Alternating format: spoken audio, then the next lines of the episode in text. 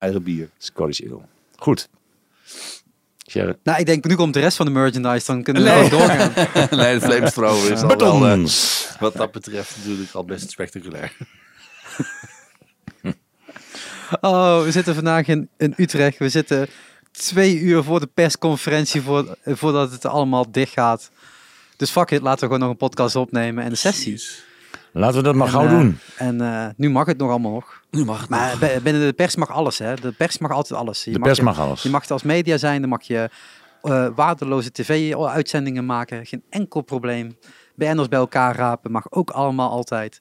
Dus dan mag dit ook. Dat, dit vind ik Dit, ook. eh, vind dit, ik ook. Ja. De pers is vrij. Vrijheid voor de pers. Wij, voor de pers. Wij treden ook alleen nog maar voor de pers op. Eh, Ja, precies. Wij treden alleen maar voor de pers op. maar die moet wel gecensureerd zijn. Die moet wel... Ja, ja, anders dan- eh, We doen niet aan zelfcensuur. Nee, nee, nee, nee, nee, nee, nee. Jullie hebben een bepaalde energie nu al. Dat ik denk, die sessie gaat dadelijk helemaal goed komen. Ja, die gaat helemaal... Het is vrijdagmiddag zeker, of niet? Ja, Het is vrijdagmiddag. Dus we moeten even opletten dat we niet te dicht bij de mics gaan of niet te ver af. Want ergens Ja. gaat het helemaal mooi klinken. Maar we zitten dus vandaag in Utrecht. We zitten, ik weet niet hoe de studio eigenlijk heet. Want we zitten hier Vuurland. Vuurland Studio. En eh, ja, we zijn eigenlijk eh, eh, een beetje aan het klaarmaken om zo meteen twee clips op te gaan nemen voor de Shark Sessions. Maar volgens mij ligt daar de telefoon ergens, of wat hoorde ik? Ik hoorde... Ah, kijk. Ah, nee, toch gevonden. Die was ik kwijt. Dus, eh, ehm, maar we dachten, ja, we hebben nog wat tijd over. Laten we alvast een podcast opnemen. Want waarom ook niet? Want op 10 december komt jullie plaat uit. Dan kunnen we het beter even over hebben, lijkt ons toch?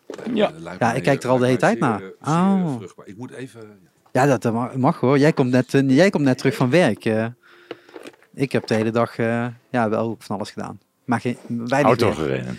Ja, auto, auto gereden. Helemaal naar Utrecht.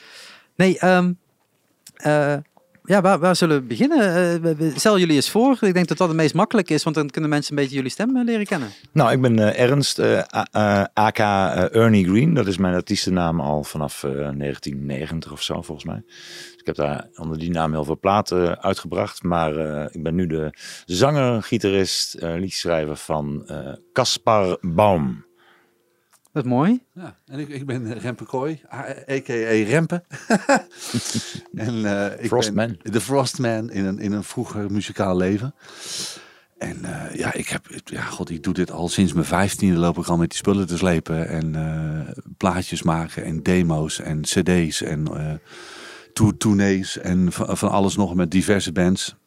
en nu, eh, tijdens de vorige lockdown, eh, belde eh, Ernie mij eh, om te vragen of ik gitaar kan spelen op, eh, op een plaat eh, die ze aan het eh, maken waren. En dat, nou, daar heb ik toen maar ja tegen gezegd. En nou zit ik in de band.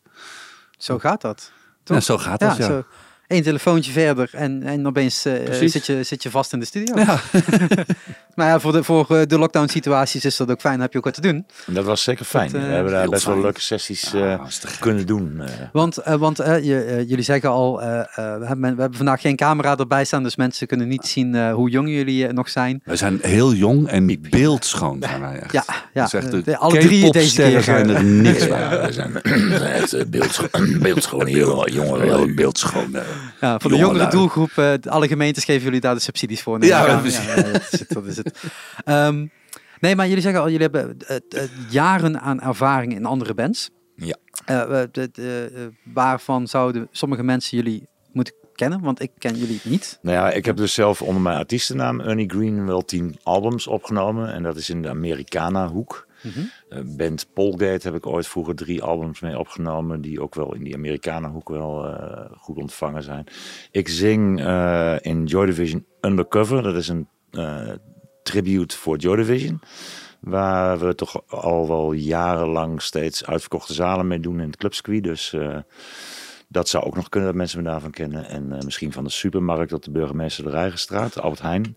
Daar kom ik ook nog wel eens. Of van vroeger, toen je, toen je nog eh Vroeger, op eh, speelde als uh, straatmuzikant. Straatmuzikant ben ik geweest vroeger jarenlang. Uh, Hoog Katerijnen gestaan, de wereld rondgetrokken. Eh, ik heb een nieuw wave band gehad in 19, tussen 1980 en 1985. Dat is, dat is letterlijk voor mijn tijd. Dat is The Eternal. dat was The Eternal. Dat was ook al een soort Joy Division-achtige band. Dus eh, ja. Nou, misschien is het wel een leuk bruggetje, want Joy Division was, was inderdaad een soort, eh, omdat ik dat later weer opnieuw ben gaan doen, die muziek, dat soort muziek in die tribute band, komt natuurlijk ook die hele geschiedenis weer mee in je muzikale ontwikkeling. Zeker.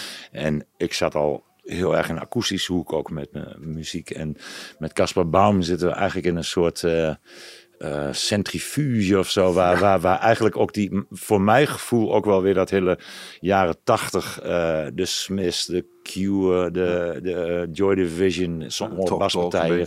Maar ook Talk ja. Talk, weet je, al die, de, de latere Talk Talk dan. R.E.M. Ja, R.E.M. early R.E.M. Maar dat is alweer later dan. Hè? Dus, dus in die zin zijn we een soort, best wel een vergaarbak. We hebben wel echt, ik vind wel echt een Casper Baum geluid. Maar ook uh, Rempie, nou Rempie is een... Is een, is een soort encyclopedie, zeg ik altijd maar.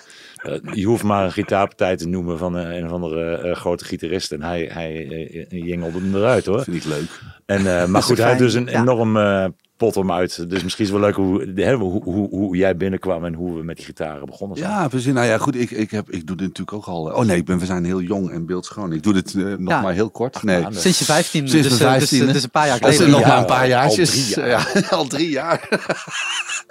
nee hoor, even zonder dolle. Nee, uh, god, ja, misschien dat mensen, uh, nou goed, dit, in de rand zat misschien beter, maar ik zat ooit in een, uh, in een, een Britpop formatie, Clean heette dat, dus in 2003, een beetje Coldplay tijd. En wij deden, ja, en dat, dat, dat was best wel, we hadden daar wel een momentum. Je hebt nog Baarten van Dorp gespeeld en uh, 3FM en uh, Radio 2 en uh, door Nederland getoerd en uh, dat soort dingen. Dat, dat was heel leuk om te doen. En toen werd ik eigenlijk vrij snel gevraagd om voor Keith Caputo, nu ja. Mina Caputo van Ja, Live. Agony, voor, de mensen die weten dat hij ondertussen een vrouw is geworden. En zij, zij dat laat ik nu vanaf nu ook maar zij, zeggen. Um, zij heeft natuurlijk naast Life of Agony, uh, voor de mensen die Life of Agony niet kennen, dat is um, een van de grondleggers van de, de emo-core. Samen met Weezer. En dan is Weezer wat poppier. En Life of Agony is hardcore Brooklyn. Uh, hardcore, maar dan met hele emotionele Ja. zang en teksten. Dus echt emo-core. Hun beroemdste plaat is River Runs Red. En uh, ze spelen nog steeds uh, echt uh, grote festivals. Mhm. Kijk eens, jongens, de, Ja. de fans Oh, komen. we, we hebben fans, we hebben fans. Jongens, ja, we gaan zo handtekeningen uitdelen. hè? Fijn weekend. Doei. ja, loop maar gewoon een beetje langs hoor. Ja. We zijn Wij, wij gaan gewoon lekker door. We gaan gewoon door. Dus, uh, Knip ook allemaal niet eruit, dus kom allemaal goed. Nee, ja, voor het al een knip. Nee, zeker niet. Nee, nee, Nee, is veel dan te moet- leuk. dan moet- dan- waarom? Maar, je was het erover vertellen. Ja, dus over nee, goed, maar zij maakt ook al eh, heel lang eh, eh, solo-platen. En dan zit ze veel meer in de, in de klassiekers. Pink Floyd en Bowie en eh, Beatles en voor Brian Eno. En ehm, Clean, die band waar ik toen inspeelde, die, wij werkten met een producer, Haagse producer, Maus, Maurice Bom. Eh, misschien bekend van de Tuesday Child, ook een beetje uit die Britpop tijd. Ik kijk, ik kijk gewoon nu als een, eh, hoe noem je dat, eh, als een deurklink, want ik heb echt geen idee. Maar ja, Nee, ja, goed. Nou, goed mensen, men- mensen die ja. een beetje Ja. weet je wel, van een bepaalde leeftijd zijn en, en die in die Britpop scene zitten. En de Nederlandse Britpop ook super sub en zo, weet je wel. En daar hoorde Tuesday Child. Oké. Maar goed, hij produceerde ons, maar ook heeft hij, ging hij een plaat produceren voor haar. En toen eh, belde hij mij op eh, of ik wat wilde componeren. En van het een kwam het ander, dus ik heb getoerd met haar door Europa. En eh, eh, haar derde soloplaat heb ik mede geschreven en gearrangeerd. En eh, ik ben niet bij die band gebleven, helaas. Maar toen ben ik mijn eigen project begonnen. Mensen, dus ik denk niet dat heel veel mensen het kennen, maar het is wel leuk om eens een keer op te zoeken. Het heet Pole Shift Survival Group. Oké. 2012 eh, is die plaat uitgekomen toen het eind van de wereld werd aangekondigd. Ah ja, ja, die tijd. Dus Die- niet nu, maar, nee, maar, maar bij ja, de vorige bij- eind van de Ja, wereld. bij het vorige eind van de wereld. Ja, nou ja. goed, dat vond ik toen wel leuk om eh, daar eh, een soort thematische conceptplaat eh, eh, te maken. Nou, ben ik ook nog naar Amerika geweest. Heb ik nog heel veel met twee Grammy Award genomineerde Amerikaanse singer-songwriters gewerkt. Lauren Agnelli van de Washington Squares. En Dave Rave van Teenage Head, een hele beroemde Canadese punk, punkband. Hardcore. Eh, echt early, eh, eind 70, eh, Oké, zeg maar, de ja. Canadese Ramones. En eh, daar speel ik nog steeds mee. We nemen plaatjes ook op. En, eh, nou ja, en, oh, en ik zit ook nog in een Beatle tribute band. The One After 909. Daar ben ik eh, John Lennon. ik zie het Dus zo voor. Ik zie het zo voor Ja. me. Nee, Dus dat bedoel ik eigenlijk zeggen dat hij een soort, soort vat is. Ja. Yo, ja. Ja. Dus als, als eh, wij een nummer spelen, dan heeft hij dus een enorm repertoire aan gitaar, eh, eh, Ja, het is, het is Ja. Maar dat krijg het je dan een, ook tool, een toolbox wat jij allemaal in Ja, je- maar je ja, god, is geschiedenis dan Daar je ook doet. gewoon op, toch? Ik bedoel, dat is gewoon die jarenlange ervaring die je dan Ja, en de ene keer speel je die stijl muziek en de andere keer Ja. moet je dat spelen. En, eh, en, en, ja, en je hebt al je invloeden zelf en wat je zelf uitzoekt. En op, op een gegeven moment dan eh, heb je dat een, een beetje eh, eh, oproepbaar, zeg maar. Dus- Ja, ik, ik heb, ik heb, ik heb eh, eh, music management gestudeerd in Hasselt aan de PXL. En dan hadden we een leerkracht en dan kregen we dan muziekgeschiedenis. En iedere keer vroeg ik me af, waar, f- laat zitten, waar, waar moet het allemaal weten? En nu beginnen jullie dat zo'n zo'n dingen te noemen, denk ik, hierom juist. Want de, echt bepaalde linkjes kun je dan nog wel leggen in je hoofd. Maar ja. sommige namen natuurlijk niet meer. Maar eh, het is natuurlijk wel, nou, eh, uit die geschiedenis neem je natuurlijk al die dingen wel mee Ja. naar het heden. En ik kijk juist heel veel naar de nieuwe bands die nieuw zijn aan het ontwikkelen in plaats van naar Ja. de oude bands. Want ik ben gewoon meer geïnteresseerd aan wat er nu gebeurt. Zeker, zeker. Ondanks dat het... Baum, hè, is nu. Ja, Ja, ja, maar, Ja, maar dat is het. En dat is, eh, ik zei het ook altijd tegen klasgenoten die heel erg in die, in die 70, 80 hoek bleven, bleven hangen. Die waren tien jaar jonger dan mij. Toen ik zeg, ja, maar ga nou naar bands kijken die je ook kan managen, waar je ook mee bezig kan zijn, waarmee je kan gaan werken. En tot zij dan in het verleden eh, eh, dingen hebben eh, meegekregen, dat is ook belangrijk. Mhm. Maar daar hoef je niet als manager niet alleen maar op te focussen. Nee, Eh, dat is niet hetgeen wat je alleen maar hoeft te, hoeft te luisteren. Ga nou naar het nieuwe luisteren. Precies. Voor, mensen die ons album kopen, is het alleen maar van belang wat voor muziek erop staat. En of het dat bij ze aanslaat. Ik bedoel, muziek is iets in, Ja. is beweging van lucht. En de hele geschiedenis, eh, ja, het zal wel. Maar, die zit, maar het, het leuke is natuurlijk wel dat hij erin zit. Ja, ja, en, zeker. het, en, en, en het is ook super leuk om met geschiedenis bezig te zijn en hem naar je eigen tijd toe te. Ja, als je het zo kan oproepen zoals jij kan. Dat je Ah. zegt van ik, ik, dit zit ergens in me omdat ik al die verschillende facetten ooit een keer heb moeten eh, Ja, leren. leren Ja. En dus ook begrijpen en waar komt het vandaan. Ja, dan, dan neem je dat net wat makkelijker Ja. mee dan dat je in zo'n geschiedenisboek Ja. aan het bladeren bent en, en alle lijntjes aan het proberen uit te pluizen. Dat je denkt, ja, Nee, nee, je, Kan niet je, speelt, je, je blijft Ja. altijd spelen op je intuïtie en Ja. datgene wat je op dat moment hoort, daar reageer je op of whatever. Maar het is sowieso de, de, de moderne tijd. Kijk, ook het opnemen van zo'n album. Kijk, eh, we hebben hier onze eigen studio nu, hè, waar ik mijn producerschap, de Vuurland Studio. ik heb gewoon een stukplaatje. Ja, maar ik bedoel, we, we, we hebben hier natuurlijk de hele oude shit waarmee we de drums op kunnen nemen. De oude Nief-tafel. Maar we hebben hier ook een, eh, een iMac staan en, en Pro Tools en, en, eh, tonnen aan, aan dure plugins die oude analoog shit weer bijvoorbeeld heel goed na kunnen doen. Maar we hebben ook de analogische versie. Dus het is heel leuk om zowel uit geschiedenis, om bepaalde dingen daaruit te kunnen halen en zeggen, hé, hey, maar hier kunnen we misschien beter met een echte bandrecorder iets doen. Of we kunnen beter Mhm. dit doen.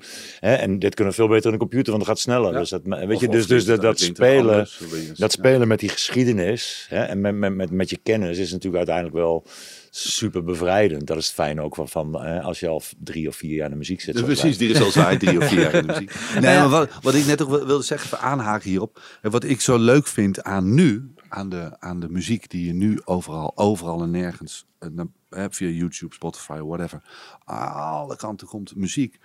En weet je, eh, eh, ik vind het een beetje jammer dat het album een beetje verdwijnt. Mhm. Maar wat er voor in de plaats is gekomen, een soort iPod shuffle, Spotify playlist shuffle muziek. En je ziet ook dat heel veel jonge bands ook, die, weet je, die platen gaan een beetje van hot naar her. Er zit electro in, maar er zit ook een Mhm. beetje hardrock in. En er zit een beetje folk in. En er zit een beetje dit in en een beetje dat in. Dus het wordt een soort eclectische Ja, ja, ja, mix. ja, ja. Om, ook omdat gemiddelde muziekluisteraar, denk ik, als ik naar mezelf kijk, eh, in ieder geval, voor zover ik een gemiddelde luisteraar ben. Maar dat, bij mij gaat het ook van Neil Young naar, naar War on Drugs, naar eh, Orbital, via, via Beethoven, naar eh, eh, Al Green, of weet je, en weer terug. Je naar, eigen shuffle eigenlijk. Weet je, ja. ja. Ja. En Nou ja, dat, dat, dat vind ik zo leuk, eh, eigenlijk aan vandaag de dag, aan de muziek. Nou ja, dat is natuurlijk ook. de- Deze week was natuurlijk de discussie van Adele eh, eh, met haar nieuwe plaat. Die heeft dus gezegd van ja, maar ik wil dat dat album wel van A naar B wordt gespeeld. En niet tot daar opeens zijwegen aan Ja. ontstaan, omdat de, de shuffle ontstaat. Ja. Waarbij je natuurlijk denkt, ja, de, de jongere generatie aan muzikanten, terwijl zij helemaal niet oud is, zegt eigenlijk, ja, maar het maakt me niet uit in welke volgorde je speelt. Dit zijn gewoon tien liedjes, die hebben, dat noemen jullie een plaat, maar voor ons zijn het eigenlijk tien singles die we achter elkaar hebben gezet. En sommige klassieke makers, klassiekere makers, die zeggen, ja, maar ik heb hier een concept ontwikkeld en die moet je wel van A naar, naar B naar C luisteren, want anders Ja. snap je die plaat niet. Ja. Daar is natuurlijk ook wel weer wat van te zeggen. En ik denk dat wij, wij hebben allebei. bij ons album, het zijn allemaal losse liedjes. Je kan ze allemaal los spelen. Maar we hebben echt wel over de volgorde nagedacht. En het eindigt ook echt wel met een bepaald verhaal. Wat op dit moment met het, de nieuwe ondergang van de wereld. En de volgende Ja. ondergang, de tweede. de Ja, de tweede, Nee, er zijn er al nou meerdere al? geweest, maar de- niet. we hebben weer een fan de Sheckler, hoewel we aan het begin van de eeuw zitten, maar het, het maakt allemaal niet uit. Maar dat eindigt wel met, een, met hè, Visions is het nummer waar wij het album mee Zeker. eindigen. En dat, dat staat volledig voor deze tijd eigenlijk. En niet, niet dat we daarin over corona zingen of zo, maar het is wel een soort eh, eh, oproep aan wijsheid voor alle mensen die ons, hè, de hele mensheid, Mhm. van het begin naar het einde toch door, over de weg moeten leiden, naar een goed einde toe moeten brengen. Hè. Dat die mensen toch maar over genoeg wijsheid beschikken, zodat we eh, het einde ook met z'n allen halen Ja, of zo. Weet je wel? De- transitie tot een, eh, En er is- een beetje succesvol. eh, en er is nog nooit zoveel eh behoefte geweest. Je ziet het nu in Nederland. Hè. We hebben Over een uur of twee hebben we weer de volgende persconferentie. Maar mensen snakken toch ook nog wel naar iemand die ons gaat vertellen hoe we in godsnaam hier weer uitkomen. En dan hoop je maar dat diegene die uiteindelijk aan het roer staat. Eh, dat ook goed doet. En op dit moment zijn er natuurlijk enorm veel twijfels over hoe de politiek eh, achter de feiten aanloopt. En dat, eh, ik hoorde gisteren al iemand zeggen, dit moet het bedrijfsleven oppakken. Weet je wel, die kunnen gewoon heel snel zeggen, hier is een bron, dit pakken we daaraan, dit en dat. Terwijl de regering natuurlijk achter de feiten aanloopt, zoals normaal. En dat is volgens mij ook haar rol. Maar, dus, dus die wijsheid, die zoek. Er is chaos, er is... eh,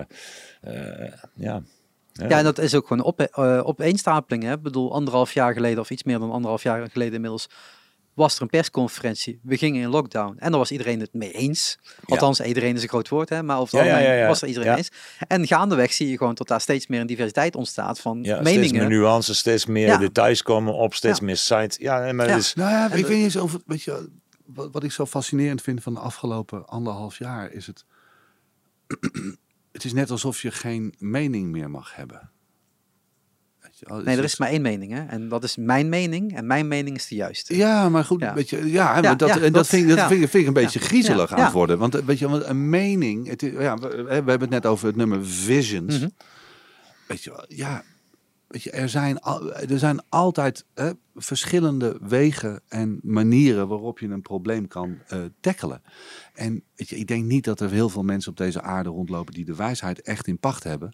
Dus zullen we er met z'n allen moeten uitkomen. Maar we zullen toch wel ook alle, denk ik, is het best verstandig om alle paadjes is in ieder geval bespreekbaar te maken. We kunnen linksaf, we kunnen rechtsaf, we kunnen. Ja. Weet je, en nu wordt het steeds, weet je wel, omdat nu, oh, oh dat is maar een mening. Of weet je wel, of die Ja. moet weer zijn mening geven. Dus, nou, ik weet niet of het een mening is. Het is, weet je het is een, Een verkennend pad een, eigenlijk, verkennend ja. pad, een idee, weet je wel. En op het moment dat je dat, dat soort gesprekken gaat doodslaan, dan, ja, ik vind dat wel een Nou, dat, is natuurlijk, dat is natuurlijk ook wat, wat, we, wat we hebben gezien in, in tijd. En dan laten we het daarna vooral weer over muziek hebben. Eh, dan klinkt het natuurlijk dat de- mijn mening als laatste gehoord moet Ja, zijn. nee, maar dat, natuurlijk. Dat, dat is ook de Dat is maar enige- een mening, hè? Dat we muziek mening moeten hebben. Dat, dat is niet mijn Oh, mening. Ik zie jullie levels meteen weer uitslaan. Er komt Oeh. zoveel energie los. Zoveel energie, oh, pas op. Ja, dat, is maar, dat Ehm. was mijn meter, denk ik. Hallo, hallo. Nee, het is natuurlijk dat je, dat je, eh, je hebt dit al eh, eh, een jaar en drie kwart gedaan. En we zijn er niet uit. Misschien moet je dan een keer wat anders proberen. Zeker. En dat is natuurlijk een, een stem die je dan steeds vaker hoort. Zo van ja, maar we hebben dit toch al gedaan. Ja. En niet, dit heeft het niet opgelost. Dus misschien moet je eens kijken naar iets anders. Maar En denk wat dat- dan, hè? Dat wordt experimenteren. Maar wat dan? Nou ja, maar Ja. dat, maar, dan, De wetenschap weet nog niet zo heel veel natuurlijk. Ze weten een heleboel wel. Maar En- ze hebben niet het antwoord natuurlijk klaar. En, en, want dan en we, was je er al we lang uit hebben gelukkig de wetenschap dat er al allerlei dingen ingezet zijn die in ieder geval eh, ervoor heeft gezorgd dat die pandemie Verloopt. enigszins onder controle is, laat het zo Ja. zeggen. Hè? Ja. Dat we af en toe nog eh, neer kunnen slaan en weer. Maar, maar, maar that's it. That's it. Ja. That's it. En voor de rest zitten we hier gewoon nog eh, tijden aan vast. Maar, Maar dat we, wel weet je, mooi- we gaan mooi- straks bij de sessie gaan we blindfolded wel spelen. gaan dat gaat over spelen. meningen en zo. Als we nou en dat is ook jullie hebben. tweede single. Ja, ja, ja Twee- van, die, die wel al online staat. Want er zijn twee singles online Ja. gekomen in de afgelopen periode. Ehm, eh, laten we even naar het, naar het, naar het ontstaan van Caspar Baum. Zeg, ik zeg dat goed? Ja, Caspar Baum. Ja. Caspar Baum. Want ik was dat bij mij aan het intypen en, en, en eh, Apple corrigeert dat natuurlijk heel mooi in allemaal andere manieren Ja. dan zoals je schrijft. Ehm, eh, want jullie zijn bij elkaar gekomen eigenlijk op jouw aanzet. Zeg ik het goed? Ernst, ja. Ernst Ja, aanzet? en, en de bassist Evert. Evert kwam een keer op een oudjaarsfeestje, ou- oudjaarsavond bij mij binnenvallen. Ik kende Evert niet, maar hij kwam met een vriendin van mijn vriendin binnen. En En die, eh, nou ja, eh, tijdens het drinken van een aantal gin tonics kwam op het idee, we gaan ooit wel eens een keer samen jammen. En toen belde hij me een paar maanden later op, van god zullen we eens eh, hè, muziek gaan maken. Toen nam hij een drummer mee en toen zijn we eigenlijk vrijblijvend gaan jammen. En op dat moment knalde de corona erin. En toen hadden we, konden, konden we wat budget krijgen van de scène. En toen zei weet je wat jongens, we gaan... We hebben deze studio, die zal nu minder druk gaan worden. De optredens vielen voor mij toen helemaal weg van de Joy Division Mhm. eh, Undercover. Die waren ook allemaal ineens gecanceld. Ik denk, nou, we hebben tijd zat.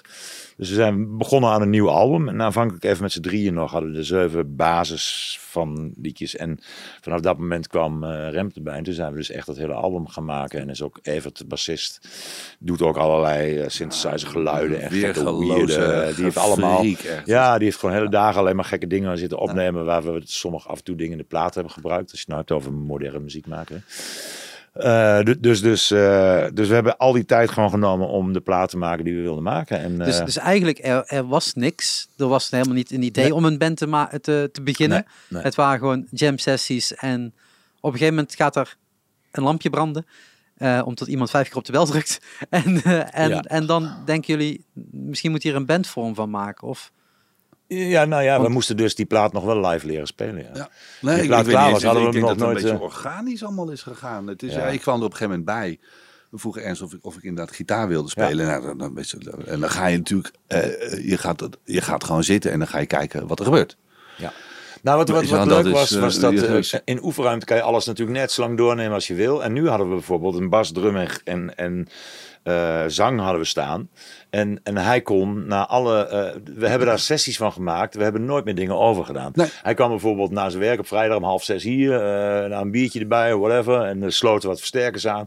Hij zegt, oh, dit is wel een goede gitaar. En een beetje lik proberen. En op een gegeven moment, zo, dit is even opnemen. Dit is even opnemen. Dat zo. Op een gegeven moment hadden we van allerlei dingen opgenomen. En zo is eigenlijk die Heel plaat dus echt organisch en intuïtief. Dus niet met allerlei, we gaan het zo doen. Oh, dat moeten we nog een keer overdoen. Of we gaan daar nog eens aan schaven. En dat is hetzelfde met al die geluiden die Evert heeft gemaakt. Weet je, dat is gewoon band aanzetten, speel maar wat. Ga maar op je gevoel. En, en zo zijn een heleboel dingen op die plaat ontstaan. Dus er zit een... eh, dat was natuurlijk het leuke. En dat we dus achteraf die plaat live moesten gaan leren spelen. Ja, dat maar was... de, met, met, met de, de live komen, komen we dadelijk nog wel op. Want de, de, eh, Rutte zal wel zorgen dat het niet direct gaat. Maar ehm, jullie maken hier samen muziek. Jullie komen uit de verschillende kanten erin. Hoe, hoe kom je dan tot een band? Hoe kom je dan tot dit is dan de sound die je wilt hebben? Is dat echt gewoon... Jullie raakten elkaar al veel op meer vlakken. Dan is dus gewoon dat hele organische en dan komt het vanzelf. Of is er wel een beetje een sturing zo van... Ja, maar als we dan iets gaan doen, is het een beetje die kant op of een beetje die kant op. Kijk, ik heb Rempe bijvoorbeeld ge- gebeld. En dat had natuurlijk een bepaalde reden. Omdat Rempe, die werkt hier in, in, in, zijn- in zijn gitaarshop eh, hier iets verderop. Waar ik altijd elke dag eh, op weg naar de studio altijd langskwam. Als je voor Albert Heijn reclame kan maken, dan kun je ook voor Key Music reclame maken. Nee, Ja, dat was Max Music, was. Dit was Max Guitar nog. oh, Max Guitar. Ah, dus we hebben ze allebei genoemd. Dus hebben ze dat, allebei eh, genoemd. Ja. Eh, maar in ieder geval... Nou, ik eh, weet niet als je erop staat hoor, want het ging er lekker over sturen. Dit Oh. is die energie van jullie. Dat... Eh, dan moeten we iets, Ja, moeten we nou ja, iets we kunnen verder zo gaan doen. Iets minder... eh, Nee, want als je dan zacht gaat praten, oh ja, dan dan niet. beetje, ja, oké, maar een beetje rekening mee houden. Dus, Microfoontechniek. eh, maar goed, het feit dat ik dus eh eh Rempe belde, is omdat we natuurlijk heel vaak ook in zijn winkel dan even samen een bakkie deden en een peukje rookten. En dan kwam ik altijd langs. En dan heel vaak ook over gita gitaristen. En, en de, de gitaristen die hij heel gaaf vindt, vond ik ook heel gaaf. Dus het is natuurlijk niet eh, toevallig dat, dat het, je weet niet, dat is misschien dat is dan een gerichte actie. Eh, maar wat er dan uitkomt is Ja, dat eh, en, dat- en dat- dat dat een band wordt, ja. Nee, maar sommige bands die beginnen natuurlijk van, hey, we hebben een bepaald eh, genre wat we tof vinden, dat, dat gaan we samen spelen. En dan van covers of van oefenen gaat dat opeens naar een, een, een echte bandformatie toe. Ja. Maar hier hoor ik juist meer, ja, gewoon dat, Ik- dat ze de vrijheid eigenlijk hebben van ieder zijn eigen inbreng. Ik, en kijken hoe het bij elkaar ja, past. Ik, ik wist letterlijk niet wat, me, eh, wat ik eh, te horen zou krijgen. Dus ik kwam hier echt met mijn gitaar. En ze hadden natuurlijk al eh, nou, maanden daarvoor hadden ze met z'n drieën hadden ze de basis neergelegd. eh, Drums, Ook vanwege en, corona natuurlijk, hè. Twee Ja. man Ja, ja. opnemen, dus dat was heel... eh, ja. Dus de basis, eh, drums, bas, eh, eh, slaggitaar van Ernst. En, en sommige al, al hele mooie eh, eh, melodische ideeën die Ernst al op de band had staan. Eh, en de zang natuurlijk. En dat, was ook, dat klonk ook al heel mooi. Dat had Ernst ook al heel mooi eh, in elkaar gemixt. Dus het was voor mij echt zo, oh, oh. Ja, nou, laat me maar eens wat doen. Weet je. En, dan, en het leuke is, en dan, je gaat dan anders werken of zo. Omdat, weet je, ja, je, bent niet, je bent niet met de basis bezig geweest, want die is er al. Mhm. Dus je, ja, je, Je hebt wel een beetje een leidraad welke kant het... ja, weet je, de basis was vrij, is dan wel vrij helder ook al. en, en er was heel veel ruimte. En dan is het natuurlijk gewoon zoeken naar van oké, hoe, hoe, hoe kan die ruimte gevuld worden? Op zo'n manier dat het wat er was versterkt. Mhm. Eh, eh, en niet dat datgene in de weg gaat zitten wat er al was. En dat, dat was, is een heel leuk puzzeltje. Ja. Muzikaal puzzeltje. Dat, dat kan ik me voorstellen. En, en, en hoe lang loopt dat dan? Want jullie zeggen, zeggen al een aantal maanden in de studio die jam sessies geweest. Op een gegeven moment krijg je een beetje een vorm van, ah, dat zijn eigenlijk wel de, de tracks die, eh, die je wilt opnemen. Hoeveel tracks zijn jullie op uitgekomen? Nou, we hadden dus eigenlijk alles al opgenomen. We hebben niks opnieuw opgenomen. En we zijn uiteindelijk op 10 op het album uitgekomen. En die eh, We hebben nog twee basisnummers eh, eh, met z'n vieren gedaan. drie. Toen dat zelfs. in maar, of drie zelfs. Ja, ja. Ja, er waren al wel demo's van, dus de, de beraamwerk stond al. Ja. Alleen Die dat vonden we toen wel leuk, omdat toen Ja. had ik natuurlijk al een stuk of zes liedjes gedaan. En Ja. toen mocht het weer, met de corona.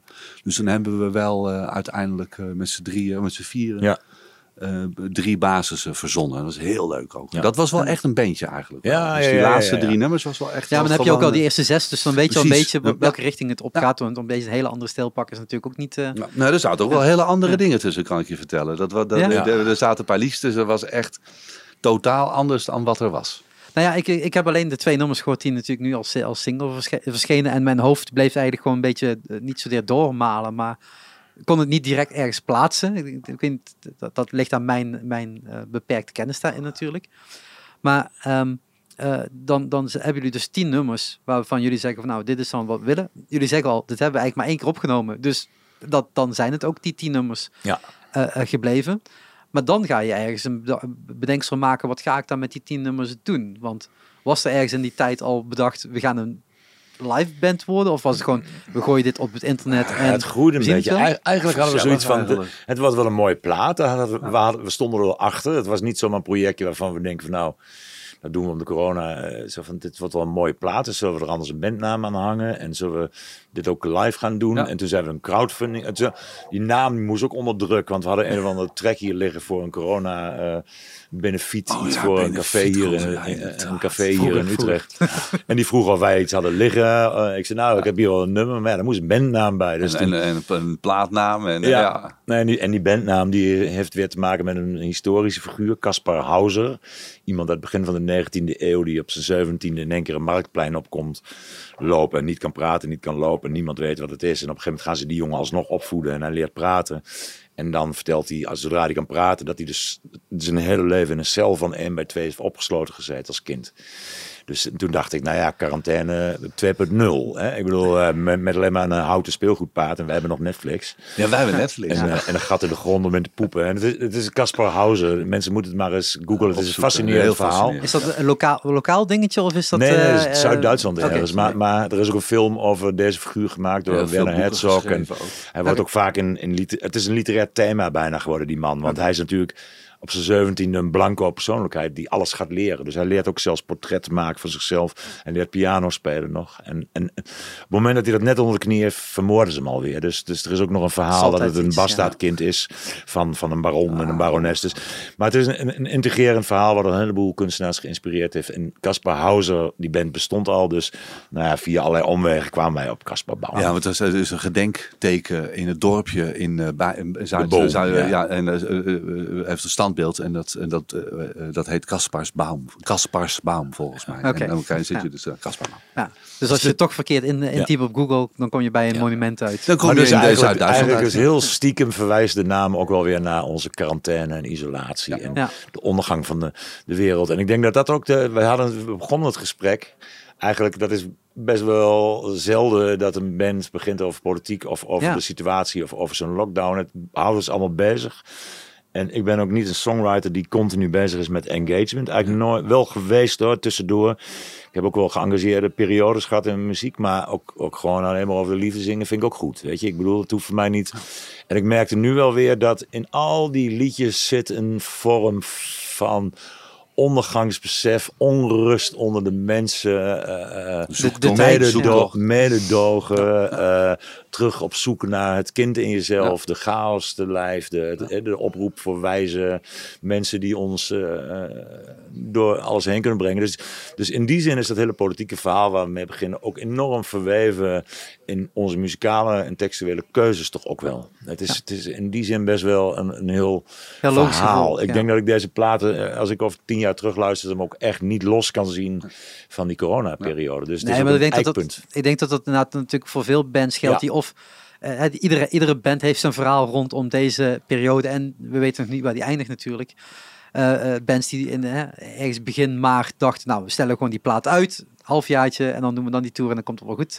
Anderen die dachten, ja we gaan hem toch uitbrengen, want hij zit al le- letterlijk, hij zit Ja. al op de post.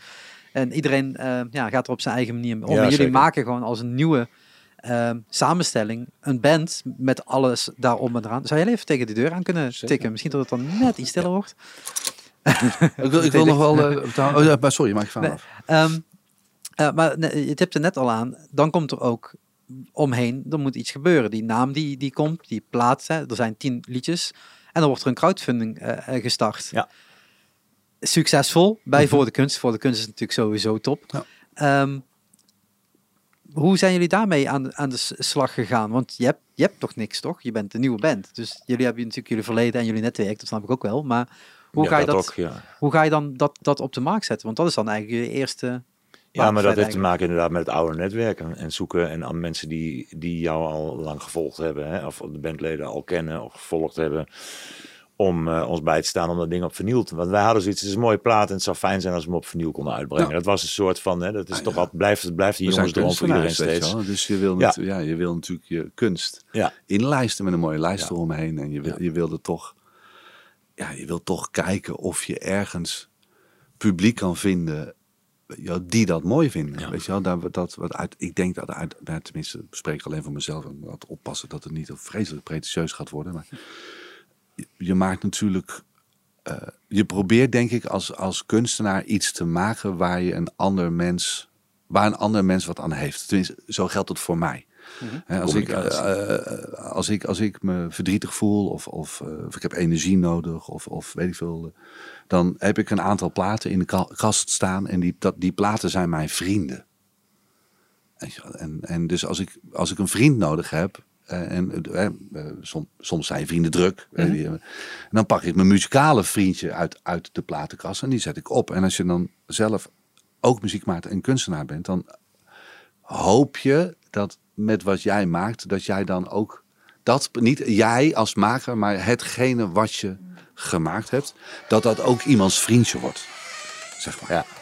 Maar dat, dat, is eigenlijk. eh, Je maakt eigenlijk nieuwe vriendjes. ja, je Ja, maakt eigenlijk. Ja, ja, je ja. maakt vriendjes. Ja, maar dat is ook waar voor de kunst ook voor is. Hè. Je, je, je, Ja, ja, ja, je- je zeker. deelt je, je, je magie in dat geval. Ja. Ja. Je, hebt het, je hebt het hier letterlijk ondergronds gemaakt. Ja. En dat wil je op een gegeven moment bovengronds krijgen. En dan wordt dat breder uit, eh, uitgedragen. Zie je later. Doei! Hey. Ehm, en, en dan is het natuurlijk ook zo dat je dat dan aan de man probeert te En normaal, normaal tussen aanhalingstekens, dan ga je optreden, dan ga je spelen, dan ga je zorgen dat je, dat je ergens te horen bent. Ja. Maar nu is dat er al niet, of deels niet. Ik weet niet nee, in nee, welke nee. periode precies ervoor de kunst starten. Maar ik kan me voorstellen dat het in ieder geval minder publiekelijk eh, direct toegankelijk was. Ja. Maar dan is het dus wel, nou, dus vooral het oude netwerk aanschrijven van hey, ik heb iets nieuws gemaakt Ja. of wij hebben iets nieuws gemaakt. Ja. Eh, maar waarmee ga je dan die mensen verleiden eigenlijk? Want de muziek staat natuurlijk nog niet online. Is dat meteen de eerste single online erop? Nou, en dan dat? ja, je maakt een filmpje, voor de kunst. Ja. En je zorgt dat je iedereen in je netwerk eh, zorgt dat, dat ze een mail krijgen met het verzoek om eens te kijken. En, en het wijzigt dan allemaal vanzelf. En dan, eh, en we hebben nog een keer een clip. eh, we hadden de eerste single op een gegeven moment, toen die al liep, hebben we de eerste single uitgebracht.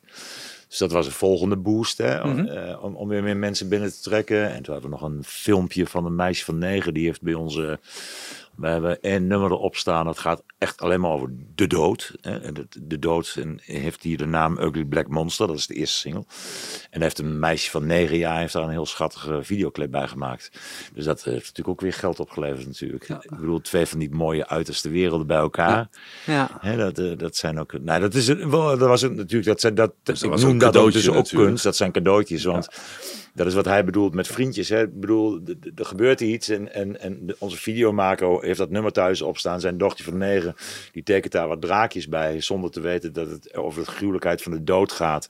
Vervolgens maakt zij een soort sprookje, een bijna liefdesverhaal met draakjes erin en een monster wat iemand even weghaalt bij de geliefde. En, en, en, en, en zo gaat dus dat plaatje eh, iets nieuws doen. Mhm. Hè, en, en daar komt weer iets nieuws uit. Weet je wel? En mensen die dat weer zien, hebben weer- nog weer een vriendje erbij. Want nu hebben ze ook het filmpje weer bij. Ja, filmpje en, erbij. en dat is met die crowdfunding ook zo. Op een gegeven moment krijg je steeds nieuwe dingen. Mensen, ah, dat is eigenlijk toch wel leuk. Ik wil die plaat eigenlijk wel graag hebben of zo. Weet je wel? Dus ja, die, die doneren dan. De ene wat meer dan de andere. En sommigen die... die eh, en we hebben de ticket voor de release party zat erbij. En- volgens mij er zelfs nog iemand een privé optreden geboekt en zo, weet je, dat soort dingen. Ja, dat is natuurlijk altijd leuk aan voor de kunst. Je, je, maakt het dan opeens Ja. samen in plaats van dat je het al- als band alleen doet en alleen moet financieren. Maar ja, je, moet anders mensen. 4000 euro, weet ik wat, moet je gewoon allemaal voorschieten. En wat je al zegt, de tijden zijn niet zo dat je zeker weet dat je het met live optredens terug gaat verdienen. Op dit moment gaat alles weer. Anders Nou ja, nee, maar dat is dus. En, en, en het is ook niet zo dat tegenwoordig als je een vinylplaat maakt, dat die automatisch in de winkel staat. Hoewel deze zal misschien een aantal zaken wel te koop worden aangeboden. Wat meer de, de concerto's en de Mm. plato's en zo, maar, maar niet. eh, Ja, maar heel veel heb je er eigenlijk niet meer. Hè? Dat, bedoel, is, voorheen- nee, dat is ook waar. voorheen- moest je, moest je strijden om minder van lees en de free op te komen. Ja. Wat toch hetzelfde concern was. Maar eh, nu is het gewoon die, die paar platenzaken die je moet treffen, moet je ook echt binnenhalen natuurlijk. Ja. En, dan, eh, en de rest is, eh, is via je eigen netwerk, eigen website en eigen, dingetjes natuurlijk ja. Ja. Dus dat is, ook- dat is ook wel logisch. Eh, maar dan hebben jullie een succesvolle eh, eh, crowdfunding. Dan komt er een tweede, tweede single uit. Datum voor, voor het album staat nu ook. Dat is 10 december. Mhm. Alleen, ik hoorde net al, het is natuurlijk de vraag als dat daadwerkelijk realiteit Ja, gaat naar worden. alle waarschijnlijkheid niet. Maar goed, we moeten het nog even afwachten. Ik denk, Maar- ik, denk- ik denk het ook niet. Ik denk dat we ga vanavond om acht uur al weten dat we de boel kunnen skippen. Ja, Maar wat, wat gaan jullie dan doen? Want, dat, eh, want dit komt, eh, het komt na 8 uur online, dus dan mogen mensen nu alvast weten. Gaan vergaderen. Kan je vergaderen? Vergaderen en dan, en dan een plan B verzinnen. Weet je, we- we- Ik denk in eerste instantie dit gewoon een houdt weer datum op. zoeken. En heel misschien dat we nog wel eh, een streaming dingetje doen ja, of zo. misschien voor- een streaming. Ja, Eh, er zijn natuurlijk wel wat opties. Maar dan wel uitbrengen. Ja, natuurlijk. Ja, hij staat wel- dus- sowieso dus op Spotify. En, en, Dus dat blijft gewoon 10 ja. december. Alleen de, de, de release party, Ja. dat wordt dan de, de vraagteken. Ja, Maar Ja, de promo is, is al- sowieso al begonnen. Hè, van, eh eh, ja, ik zit hier, dus er is ergens een promo Ja, geweest. IDVI is Ja. een agency en zij doen ook eh, onze albumpromo. En die zijn er ook al een aantal weken geleden mee begonnen door die albums op te sturen al Ja. naar eh, pers en dat soort dingen. En ja, dat ga je niet allemaal weer terugdraaien. Dus, en waarom zou je hem niet uitbrengen? Ja, weet je, iedereen snapt te doen hoor. dat de wereld anders is. En misschien worden we nog wel veel interessanter eh, als we niet spelen. Ja. Nou ja, god. En eh, weet je, jij, jij, zit hier nu met een podcast en Ja. we, gaan zo, we gaan zo voor jou eh, twee liedjes spelen met z'n drieën. Ja, weet je, spelen kunnen we wel. Weet je, alleen niet in een dampende zaal met 1500 man erin. Of, eh, weet je, of een zaaltje van, met 100 man erin. Of, ja, dat gaat nog tot na de orde niet. Maar we kunnen natuurlijk gewoon wel spelen en, en, en, en dit soort dingen doen. En ja, Ja. weet je, voor hetzelfde geld. eh, weet je, ja, je, je weet gewoon niet wat er gaat gebeuren de komende maanden.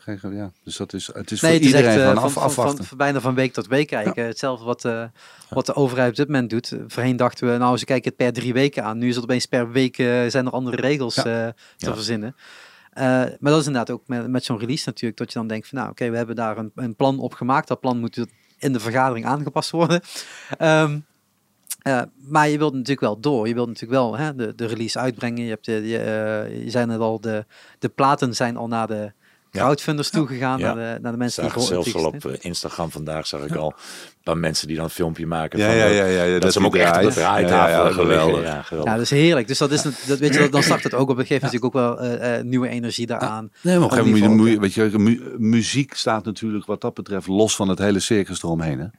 ja. Nou, voor sommige bands niet. Die zeggen gewoon, dat we moeten dat tegelijk, we moeten dat tegelijkertijd doen, want anders missen we ons momentum. Ja, maar, ja, ja. ja, god. Ja, ja, ik, ik zit daar heel anders in. Weet je wel. Ja, ik, ik, ik, Kijk, wij zijn. Kijk, eh, eh, ik heb ooit eens een keer. Dat was in Eindhoven. Er was een, een, een liedjeschrijver. eh The Watchman, Ad van Meurs. Hij was tien jaar ouder dan ik. En ik kwam met mijn akoestisch gitaartje de wereld bestormen. Dat was in de tijd dat dat hele Unplugged gebeuren net opensloeg. In het begin van de jaren negentig. Dus mijn, mijn, mijn naam rees vrij snel. En ik speelde door het hele land overal.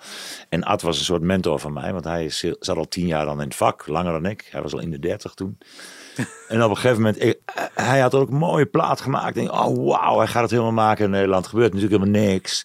Mooie plaat zegt helemaal niks. Hè? Dus hij was er ook wel ziek van. En op een gegeven moment zei hij ook, Ernst zei hij, neem één ding van mij aan. Hij zegt, je, eh, al die dingen die ze je allemaal wijsmaken over je moet je momenten pakken, je moet dit en, en dat. Als jij op een gegeven moment eh, een minuut voordat je je laatste adem uitblaast, terug kan kijken, wat zie je dan het liefst? Dat, dat, je, dat je tien keer op de radio bent geweest of dat je een heel oeuvre hebt achtergelaten. En, en, en dat, als je dat voorop stelt, dan ben je al blij met het. Het allereerst ben ik blij met het hele proces van het maken van die plaat. Ik had dat jaar ook gewoon thuis andere dingen kunnen gaan doen die Netflix half zo interessant waren, weet je wel. Dit is zoiets moois. Dit eh, dragen we voor altijd mee. Die Ja, avonden dit is, dat- al- ja, dat- dat- een dat hele jij daar met warme je gitaar herinnering. Ja joh. Op de bank zat en ik met allemaal kabels overal, die versterkers allemaal en dingen. Die avonden, die, die, die, die, die zijn onbetaalbaar. Onbetaalbaar. En, en, en, het, en het momentum, natuurlijk, wij doen er aan mee. We zitten, vroeger was de muziekindustrie anders, deden we het anders, nu doen we het zo. Ja. Vroeger maakte je een album, daar kon je dan eh, een jaar lang singles van aftrekken. Nu is het precies andersom. Je gaat eerst singles neerzetten en dan je album. Nou ja, eh, het zal mij allemaal wel. En, en, en, en, en echt grote bands zijn er toch maar een paar. En daar zit ook heel veel commercie in. En die commercie hebben wij niet achter ons staan. Dus wij, wij, wij gaan gewoon spelen waar we kunnen spelen. En, en waar we gedraaid worden, worden we gedraaid. En we zijn gewoon goede muzikanten en dat weten we. En eh, we zijn het waard.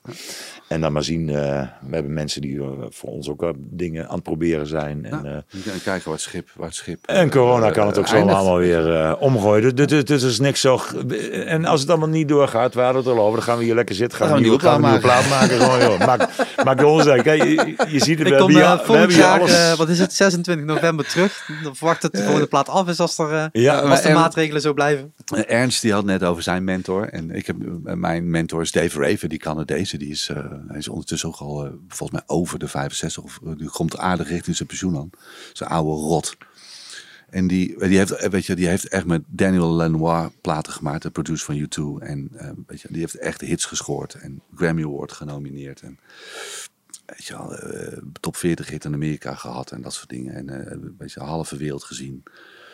En weet je, die weet gewoon na een carrière gaat met zijn ups en zijn downs. En de enige constante factor is het muziek maken. Het, het creëren van muziek.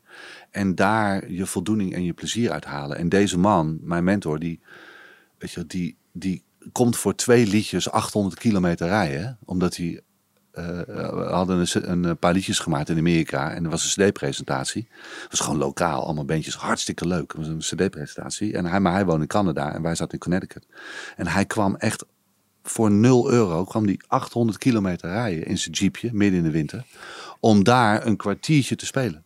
En daarna stapte hij weer in zijn jeepje en dan reed hij weer terug naar, naar eh, Ontario, want dan moest hij een bruiloft spelen. Eh, Weet je, en, en, en drie maanden later werd hij uitgenodigd voor een gala met Teenage Head. En dan eh, weet je, een soort eh, rock and roll Hall of Fame in Canada en op de televisie. Weet je, nou dat is dus deze man. Weet je, en ik denk van ja, dit, voor mij was dat de essentie. Weet je, dat gaat helemaal, het gaat niet Ja. over commercie of over roem of over geld. Nou, misschien, over, misschien is wel een grote gemene delen. eh, ik, ik vind het fantastisch hoor. Ik bedoel, ik, ik heb, ik heb hier in de studio ook veel jonge bands. En ik vind dat ze allemaal erg goed kunnen spelen. Ze weten precies hoe ze een promoplaatje moeten doen. Maar het is wel heel uniform. Ze leren het tegenwoordig op school, not the hard way. En ik denk dat vroeger inderdaad, wat je zegt, die kilometers. Dat is het enige wat ik bij die bandjes merk. Wat het verschil is met een band die wat langer bij elkaar is. Of mensen die dit soort verhalen, die gewoon bereid zijn om gewoon on the road te leven. Ja. En die kilometers hoor je in de muziek terug. En al die bandjes die nog net van school komen, bij elkaar zijn. Prachtige nummers in elkaar kunnen zetten hoor. Dat begrijp me niet verkeerd. Ge- Genieën zitten ertussen. Maar ze zijn nog niet, ze hebben die kilometers nog niet gemaakt. En ze denken dat ze allemaal op een soort promo-treintje moeten strappen. En dat promo-treintje brengt ze dan wel uiteindelijk. Maar eh, zie jij al die bandjes eh, die jij door de, de afgelopen vier, vijf jaar bij jou in jouw jongens of in jouw eh, club hebt gehad?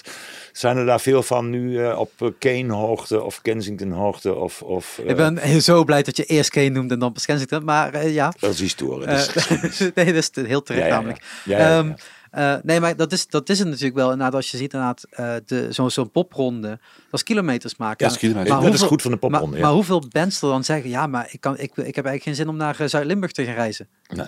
Dat is nou net hetgene wat je net in die hele popronde wel moet doen. Ja. Je moet niet in je eigen buurt gaan spelen, want dat lukt je vanzelf Ja, ja, wel. Maar je moet naar die uithoeken Ja. toe. Ja, maar om- dat is een beetje het, het verneukeratieve Ja. van, van, van het hele online gebeuren. Iedereen denkt dat het daar kan gebeuren.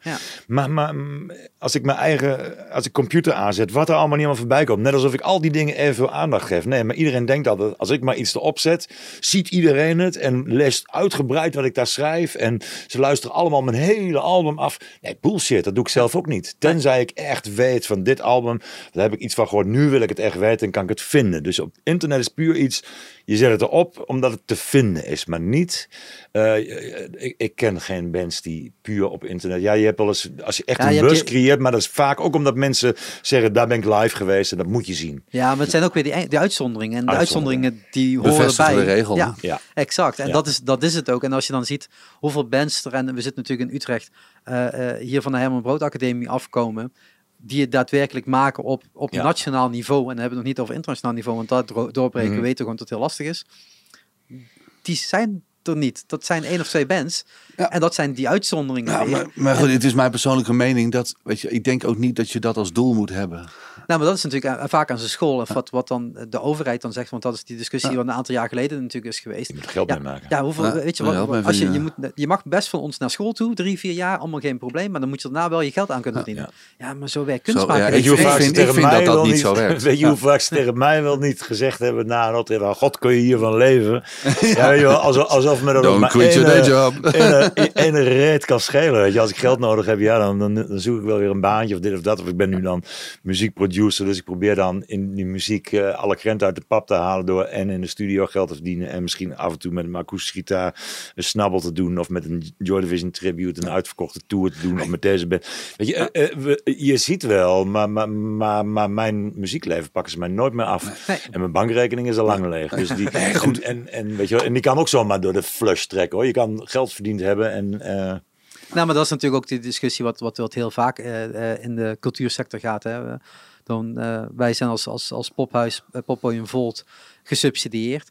Ja, als je dat weghaalt, dan wordt die ticketprijs toch echt anders. Echt een heel ander en, verhaal. en daar heb je ook geen zin om die te betalen. Dus volgens mij moeten we als maatschappij gewoon zeggen, nou, dit heeft een bepaalde waarde, dat vinden we Ja. belangrijk en dit mag het dit kosten.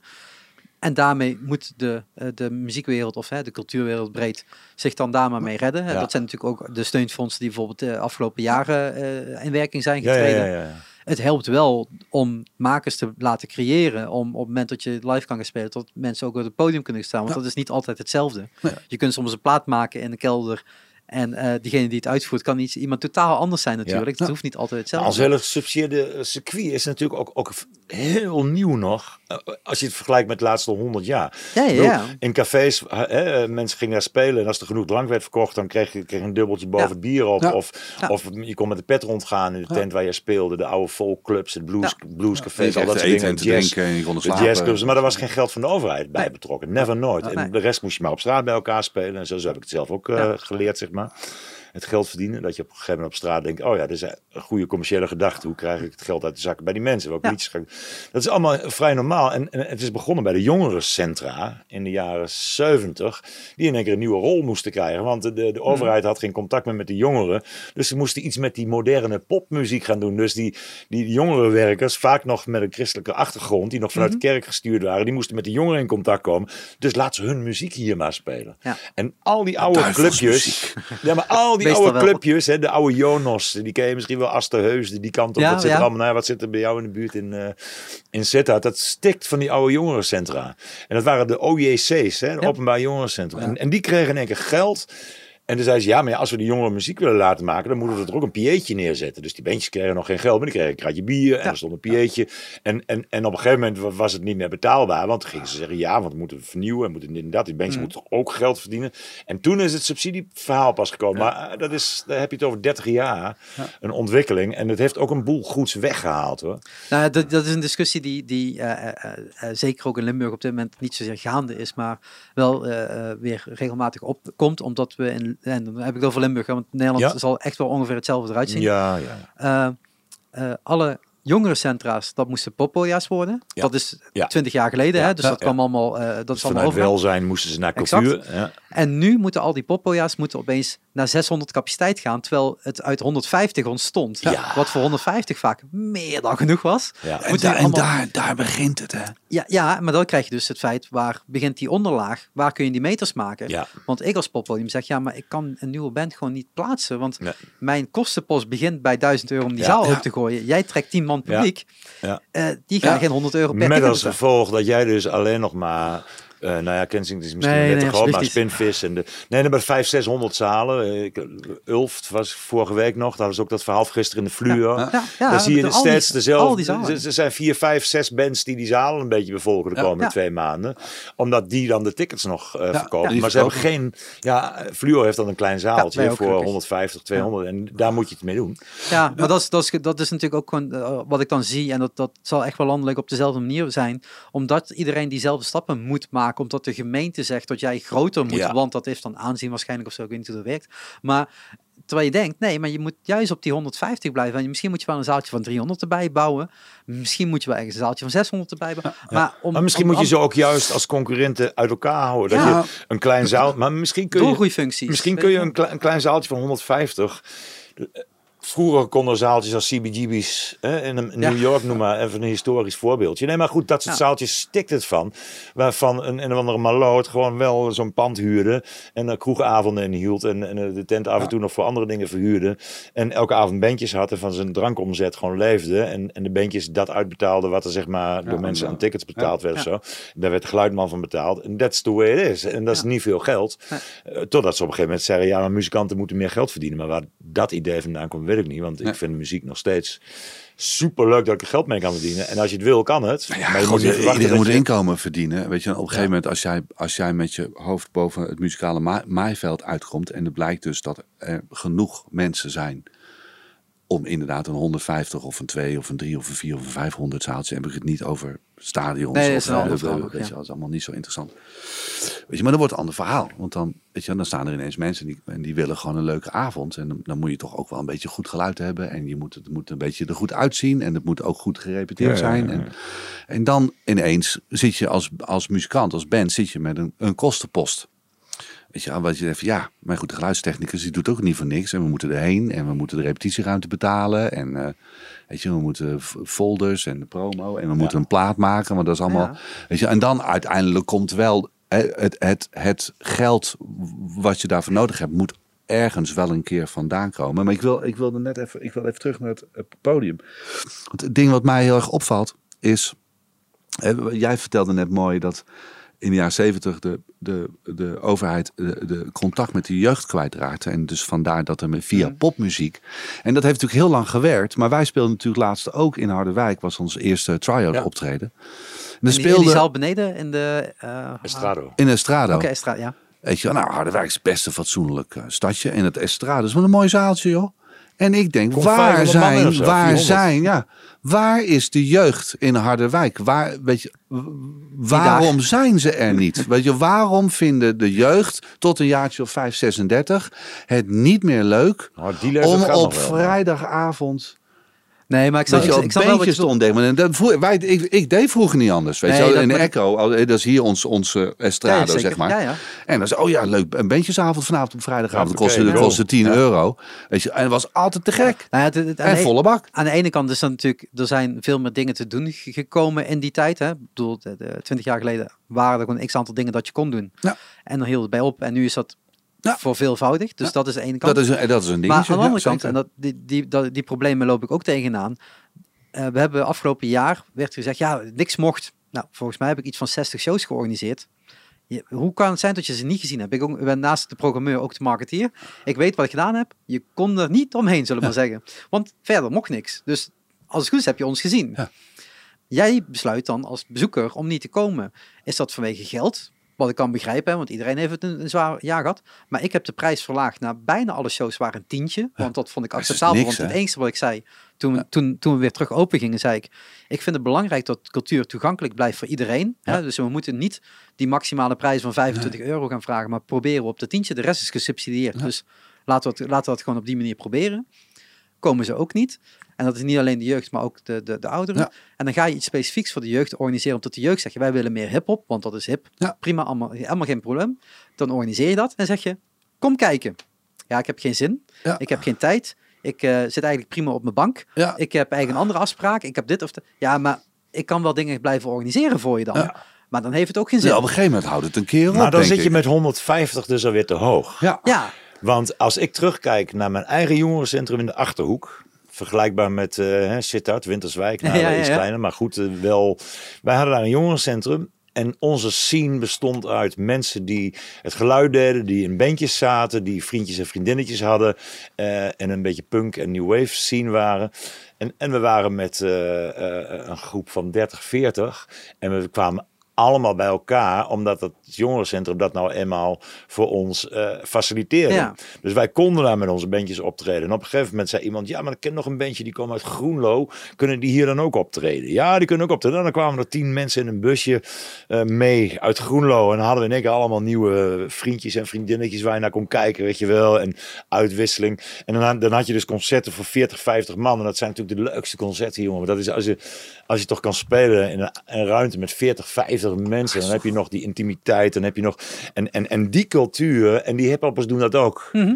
Dat is de eh, underground, Ja, ja. ja, ja. Ja. ja, dat is de underground. Maar dat zijn ook geen grote zalen. En daar Nee. droomt iedereen wel van. En wij ook met ons bandje vroeger. Dat we ooit eens een keer op een stadionrock stonden. Maar het is niet de kern van waar, waar muziekcultuur begint. En die begint ook niet in de gesubsidieerde centra. De subsidiëre centra zeggen op een gegeven moment... Hé, hey, wacht eens even, daar is een subcultuur. Laten we ze omarmen. En op het moment dat iets van de overheid iets omarmt... is het als subcultuur over.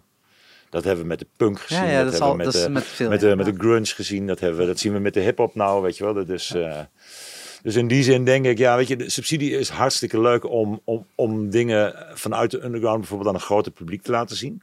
Hè? En, en het theaterpubliek, het poppubliek. Ik zie het nu in al die popzalen, weet je wel. Eh, Wij spelen die Joy Division muziek.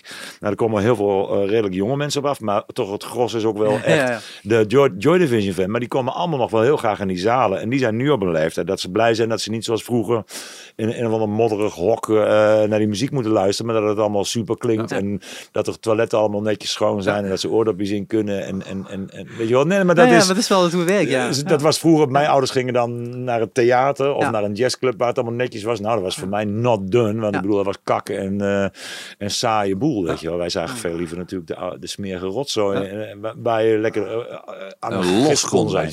En dat geldt voor rappers nu ook en zo, weet je wel. Zodra- Zodra ze... ik, ik had Ja, laatst ik een geluidsklus en dan komen dan rappers. Die moest ik even het geluid voor doen. Hè. Ik deed het podiumgeluid ik af en toe. En die komen dan aan en dat was dan ja, gesubsidieerd door de stichting Sint Maarten. Weet ik veel, in Leidse Rijn op hè, een nieuwbouw. eh, en die rappers komen daar dan op uitnodiging. Want die krijgen dan 75 euro om daar op te komen treden. Maar je, je- je- de- het gevoel, weet je, ze nemen dan drie of vier nog vrienden mee. Die gaan ook voor dat podium staan. En voor de rest is er niks van waar die hele hip-hop scene om draait. Het is gewoon een, een soort aapjes kijken. Weet je. We zetten die gast daar neer met zijn ding. En er staan gewoon gezinnen met kleine kindertjes staan te wachten tot ze in lampjes optocht mogen. En die staan naar zo'n rapper te kijken. Terwijl die rapper daar helemaal niet, daar gaat het niet Nee. over. Die rap, dat gaat over dat hij met zijn vrienden of met 50 man of 30 man ergens in de underground gewoon eh, bezig is met zijn flow, weet je wel. En, ze, en elkaar dissen en dit en dat, weet je wel. Gewoon eh, on the street. Dat is mooi ook van rap. Je kan het overal doen. Maar niet op een groot gesubsidieerd podium. Dat zie je. Het, het, het, het, Ja, moet, het begint toch wel met eh, dat, weet je, kleine zaaltjes waar, waar, waar op een gegeven moment eh, het zweet van de muren afdruipt. Weet je wel? Dat, ja, dat, maar misschien is dat ook nostalgisch. hè? Ja, misschien Nou, aan, de ene kant is het no- nostalgie, maar aan de andere kant is het natuurlijk ook gewoon de kwaliteit dat je op een gegeven moment wel dingen wilt faciliteren. Hè. Ja. Het hoeft niet meer dat te zijn. Ja. Dat is natuurlijk aan de ene kant. Ja. Maar het betekent niet dat je meteen helemaal hoeft door te staan. Dat is natuurlijk ook gewoon de, Ja. dat, de, die moeilijkheid waar je, die, waar je jezelf in begeeft, zeg maar. Van wat wil, je, wat wil je wel of wat wil je niet en wat ho- hoort er bij je genre. En inderdaad voor een groter publiek gaan spelen. Dat zie je natuurlijk ook eh, een aantal jaar geleden ontstaan. Tot heel veel van die rappers die eerst heel underground waren, op een gegeven moment een band kregen. Ja. En dan gingen ze met band optreden. En dan werd het opeens popmuziek. Ja. Ja, waardoor ja, je opeens op ander soort festivals kon staan. En opeens ja. een ander publiek voor je neus Ja. hebt. Maar dat is allemaal wel toch redelijk mainstream je het nou. Nu, Dus dat is nu. natuurlijk niet waar het... Ja, precies. Nee, maar nu, maar inderdaad, een aantal jaar geleden Ja. was het, eh, wie, wie is Ronnie Flex? En op een gegeven moment gaat Ronnie Flex met een band spelen. Ja. Wie is Typhoon? Ik bedoel, zijn eerste plaat deed niet zoveel, terwijl het in de underground echt een van de beste platen Ja. is geweest. Ja, ja, ja, ja. ja. Op een gegeven moment ga je met band spelen en dan ga je opeens op grotere festival Ja. spelen. En dan krijg je opeens een ander plik voor Dan je wordt an- en dan wordt het weer een ander verhaal. Ja. En, wordt ja, het- dan en wordt dat het een ander verhaal, ja, kantjes eraf. Ja. Lekker. Nou, ik, ik heb het ooit in, in Praag was de eerste keer dat ik, het, dat, dat ik me daar bewust van werd. Daar was, het- ging het dus anders. Daar speelden wij met die Joy Division band, maar dan hadden we een, een boeker. Maar die hoorden niet bij een zaal, die hoorden bij Praag. Daar heb je een aantal boekers, programmeurs in Praag rondlopen. En die boeken iets en die zeggen, hey, dat is leuk. Nou, ik denk dat ik daar wel duizend mensen in Praag op af kan krijgen. In Praag leefde dat enorm. Zij denken, oké, dan moet ik de goede zaal bij vinden. Dus hij heeft contacten met verschillende zalen. Hij zegt, nou, die zaal is ongeveer, ligt in die wijk. Die kan 800 man en die krijg ik wel vol. Dus die, Huh. En die, faciliteert, die zaal faciliteert. Dus hij komt daar, hij zegt, krijg deze band, dit is een technische ride, dit en dat. Zij regelt barpersoneel, zorgt dat de apparatuur het werkt en dat soort dingen dat er staat. En, en, en de programmeurs zijn dus niet gebonden aan mijn 500 man, eh, mijn vaste zaal, waarvan ik altijd weet van ja, er komt alleen maar een vast publiek af. dit en dat. Maar die kunnen gewoon schuiven, die kunnen met die scenes mee programmeren. Dat is, Dus dat is, nou, is dat is interessant. super interessant. En in. Nederland is dat eigenlijk, dat is vroeger ook wel zo geweest. Maar dat is nu kapot. Want dat is dus Ah wel door de subsidies. plek, ja. Alle jongerencentra krijgen één podium. Daar gaat het geld naartoe. Daar mag iedereen spelen. Maar dat, ze zitten vast aan capaciteiten. Ja, wij hebben hier in Tivoli natuurlijk de luxe dat we van, van, van Ja. 150 tot eh 2000 gaan. Maar, maar, maar Nee, maar ja, het is niet voor niks dat nog steeds de Echo bestaat, nog steeds de Helling bestaat, dat Ja, nog steeds de kleinere eh, dingen er ook zijn. Want En, daar moet je pothuis, een pothuis super belangrijk Ja. in Ja. Utrecht. Weet je, zo'n klein kroegje. Maar dat, dat vind ik persoonlijk heel jammer, dat door de geluidshinderwetten, Ja. dat kroegen niet meer eh, bandjes mochten laten spelen op zaterdagavond.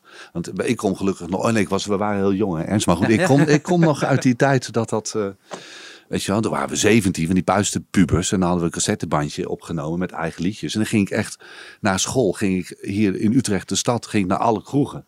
En dan dropte ik dat cassettebandje. En er waren altijd wel twee kroegen die zeiden, ja, kom maar spelen. En dan gingen we op zaterdagavond, eh, weet je, ja, echt serieus. Ja, ja, ja, ja. dat is ook Stonden we gewoon in de kroeg te spelen met onze eigen muziek, hè? Ja. Niet met, eh, en niks. Ik zit zelf ook in de tribute band en Ernst natuurlijk Ja. ook. En ik, eh, no- nogmaals, dat, dat is hartstikke leuk. En daar ben ik ook helemaal niet, heb ik helemaal geen, geen, maar met je eigen muziek. Ja. Weet je, weet je, gewoon geboekt in een kroegje op zaterdagavond. Nou, daar moet je het leren, weet je wel. Daar, ja, Maar maar, wel goed, het is natuurlijk wel, Dat tuurlijk, die zijn er nog wel, maar dat, wij vroeger was dat veel meer. Nou ja, nu wordt het alleen maar erger. En laten we daarop eh, eh, op een negatieve noot eindigen. Nee, laten we Ja, daar dat- laten we ja, ja, dan dat positief. Nee, we- positief. En meteen gaat weer die levels Ja. omhoog. Hè? Dat is toch iets weer. Ehm nee, het is natuurlijk zo. dat De afgelopen twee jaar is dat natuurlijk wel redelijk kapot gemaakt. Dat er dus in die kroegen niet meer gespeeld mag worden. Maar zo lang hoor. Als het nou aan de 15 ene kant- Zo, hoor. Aan de ene kant, nou, dat, ik denk dat dat per stad wel redelijk afhankelijk is. Want sommige steden mag er nog best veel. Ja. Maar tot er nu gewoon geen plek meer is. En tot die ondernemers ook niet meer de, de gelden hebben Ja. om uit te geven, om zo'n bandje neer te zetten. En dan is het natuurlijk heel moeilijk om, dat, om die onderlaag aan de praat te krijgen en meters te laten maken. Maar deze plaat komt uit van jullie. Wat een slechte brug. en jullie gaan ook niet spelen in de cafés.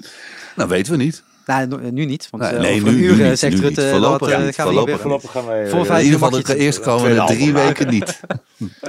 Maar dan komt hij wel net uit, want hij komt 10 december uit. Ik zal in ieder geval de videoclips alvast linken in, eh, in de show notes, zodat mensen in ieder geval daar eh, naar kunnen kijken, naar de prachtige tekeningen Mhm. die zijn, zijn gemaakt bij de eerste clip. En een prachtige eh, tweede clip die daarbij on, eh, online staat, Ja. Blindfolded. zeg ik. Blindfolded. Ja, het speelt ook voor een deel in deze ruimte af. Hè? Is, eh, en we gaan zo meteen twee nieuwe clips opnemen. En die komen ergens gedurende december, januari eh, waarschijnlijk online.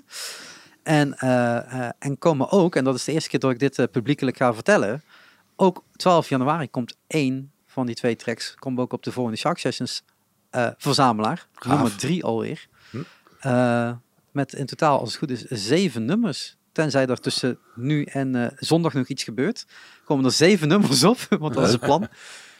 Dus ja, die is straks ook weer gewoon gratis te streamen en te, te, te downloaden en al die dingetjes. Gek. Dan gaan wij zo meteen ons best doen. Dat is, Gaan wij lijkt, zeker lijkt doen. me wel eh, eh, verstandig, want Ja. jij gaat alles opnemen. Dus dat, Ja. eh, dat hoef ik deze keer niet te doen. Dat is mijn luxe deze keer. Ja. Hebben we toch een dik uur gewoon volgepraat op die podcast. En, we ook, en ook echt over, over de rand voor randdingen. Helemaal niet over onze muziek eigenlijk. Nou, nee, dat ook zat, wel. die zat er toch ook wel. En ook wel belangrijk, want het is natuurlijk ook hoe je daar komt. Ja, nee. Ja, nee, god, ja, en ik denk dat dat Is het interview al afgelopen eigenlijk? Want dan ga ik even snel mijn spullen even Nou, neerzetten. zullen we hem gewoon afsluiten hier? We Dankjewel gaan hem voor het- afsluiten. Nee, jij We sluiten hem dankjewel. af, man. Hey, we sluiten hem af, man. Nee, wij, Hey, gaan, box. wij, wij- wij gaan sowieso nog even hier op iets opnemen. Kasparbaum, Kasparbaum, ja, daar, ga ik, daar ga ik niet meer over. Doei! Doei.